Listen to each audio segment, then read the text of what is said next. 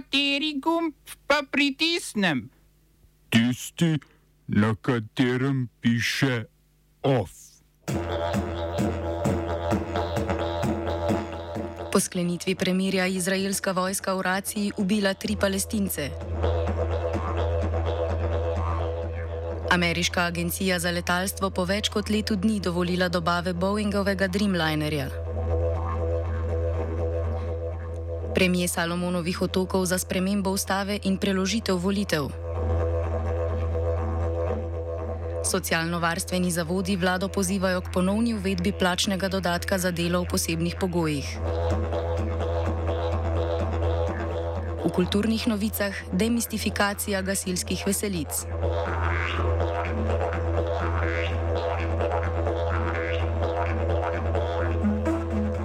Po sklenitvi premirja z odporniško skupino Islamski džihad je izraelska vojska uvedla racijo v mestu Nablus na okupiranem Zahodnem bregu. Ubila je tri palestince, vsaj 40 je poškodovanih. Glavna tarča izraelske vojske je bil Ibrahim al-Nabulsi, poveljnik odporniške skupine Brigada mučenikov Al-Akse, ki je obkroženo krilo Fataha. Al-Nabulsi, znan tudi kot Lev iz Nabulsa, je do danes uspel preživeti več izraelskih poskusov atentata.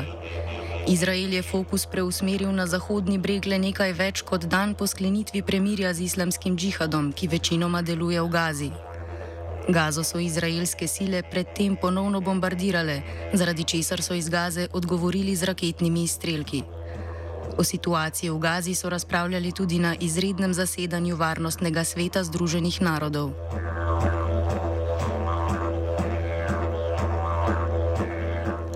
Ameriška zvezdna agencija za letalstvo je odobrila nadaljne dobave letala Boeing 787 Dreamliner. Dobave je ustavila maja lani zaradi odkritih napak na trupu letala. Boeing je namreč za njegovo proizvodnjo uporabljal neodobren titan italijanskega proizvajalca. Trup letala so po ugotovitvah agencije sestavljali s ploščami iz karbonskih vlaken, med katerimi je bil prevelik razmik. Iz agencije so zdaj sporočili, da so zadovoljni s premembami, ki jih je Boeing naredil na svojih letalih. Predtem je agencija povečala nadzor nad Boeingovimi letali, pred nadaljevanjem dobave pa bo pregledala vsako letalo posebej. Prvo pošiljko Dreamlinerjev v letošnjem letu bo sprejela družba American Airlines.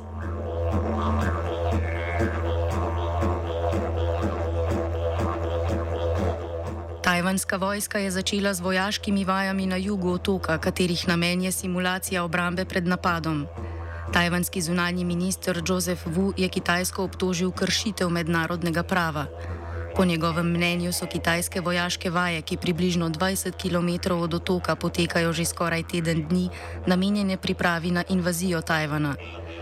Po obisku predsednice ameriškega predstavniškega doma Nancy Pelosi v Tajpeju, kar Kitajska razume kot kršitev svoje ozemeljske suverenosti, so kitajske ladje in letala po trditvah Vuja več kot stokrat prešle tako imenovano sredinsko črto, ki tajvansko ožino deli na pol. Gre za neuradno mejo, ki nima mednarodno pravnega pomena. Vu je Kitajsko obtožil še, da si je prisvojila ožino in da skuša vplivati na prečkanje trgovskih ladij.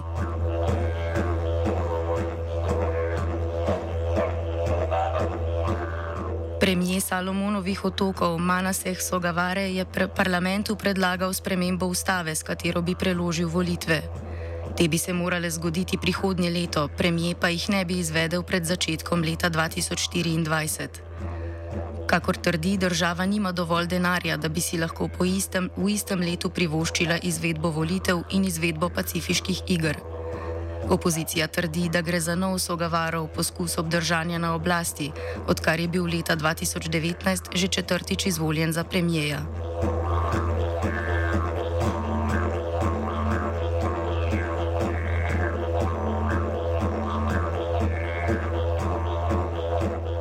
Novo izvoljeni kolumbijski predsednik Gustavo Petro je na prvi dan predsedovanja v parlamentu vložil davčno reformo.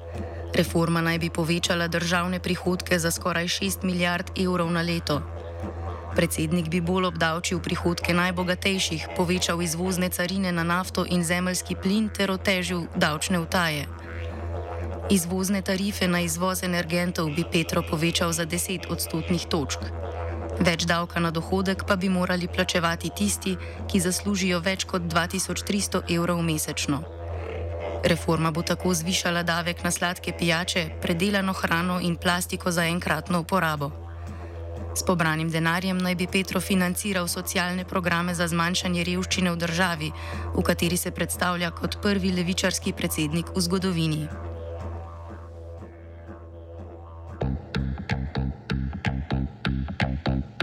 Smo se osamosvojili, nismo se pa osvobodili. Leta še 500 projektov izpiljene modele, kako so se strani nekdanje LDS rotirali. Ko to dvoje zmešamo v pravilno zmes, dobimo zgodbo o uspehu. Takemu političnemu razvoju se reče udar. Jaz to vem, da je nezakonito, ampak kaj nam pa ostane? Brutalni obračun s politično korupcijo.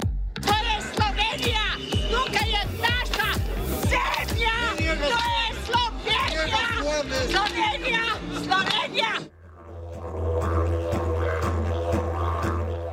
Skupnost socialno-varstvenih zavodov vlado poziva naj ponovno zagotovi izplačilo plačnega dodatka za delo v posebnih pogojih.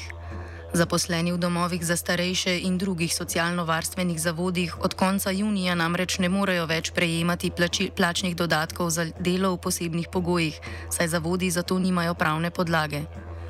Gre seveda za organizacijo dela v pogojih povečanih okužb s koronavirusom sekretar skupnosti socialno-varstvenih zavodov Denis Sahernik. Domovi od 30. junija dalje nima več pravne podlage, da splačajo dodate za zaposlene za delo v teh sivih in rečih conah, pa čeprav se sami pogoji za delo, pa sam način dela v bistvu ni ničemer spremenil. In zaposleni morajo pri delu v teh okolju, kjer so stanovalci s potrjeno okužbo, oziroma kjer so stanovalci, pri katerih obstaja sum na okužbo, še vedno dosledno poštevati vsa dosedanja pravila in navodila. In to ostane spremenjeno tudi naprej. To se pravi, da domovi delajo še naprej v enakih razmerah, um, zaposleni so v polni zaščitni opremi. Razlika je ta, da sedaj dodatka za delo v teh conah z julijskim izplačilom plač ne bodo več prijeli. Zato v bistvu tudi kot skupnost na tem mestu vlado pozivamo, da to čim prej uredi, da zaposlenim zagotovi to izplačilo za dodatka za delo v teh posebnih pogojih, ker se nam res ne zdi pošteno, glede na to, da se pogoji res niso ničemer spremenili za zaposlene da sedaj naenkrat niso več za svoj trud pa za delo v teh razmerah plačani, ustrezno plačani.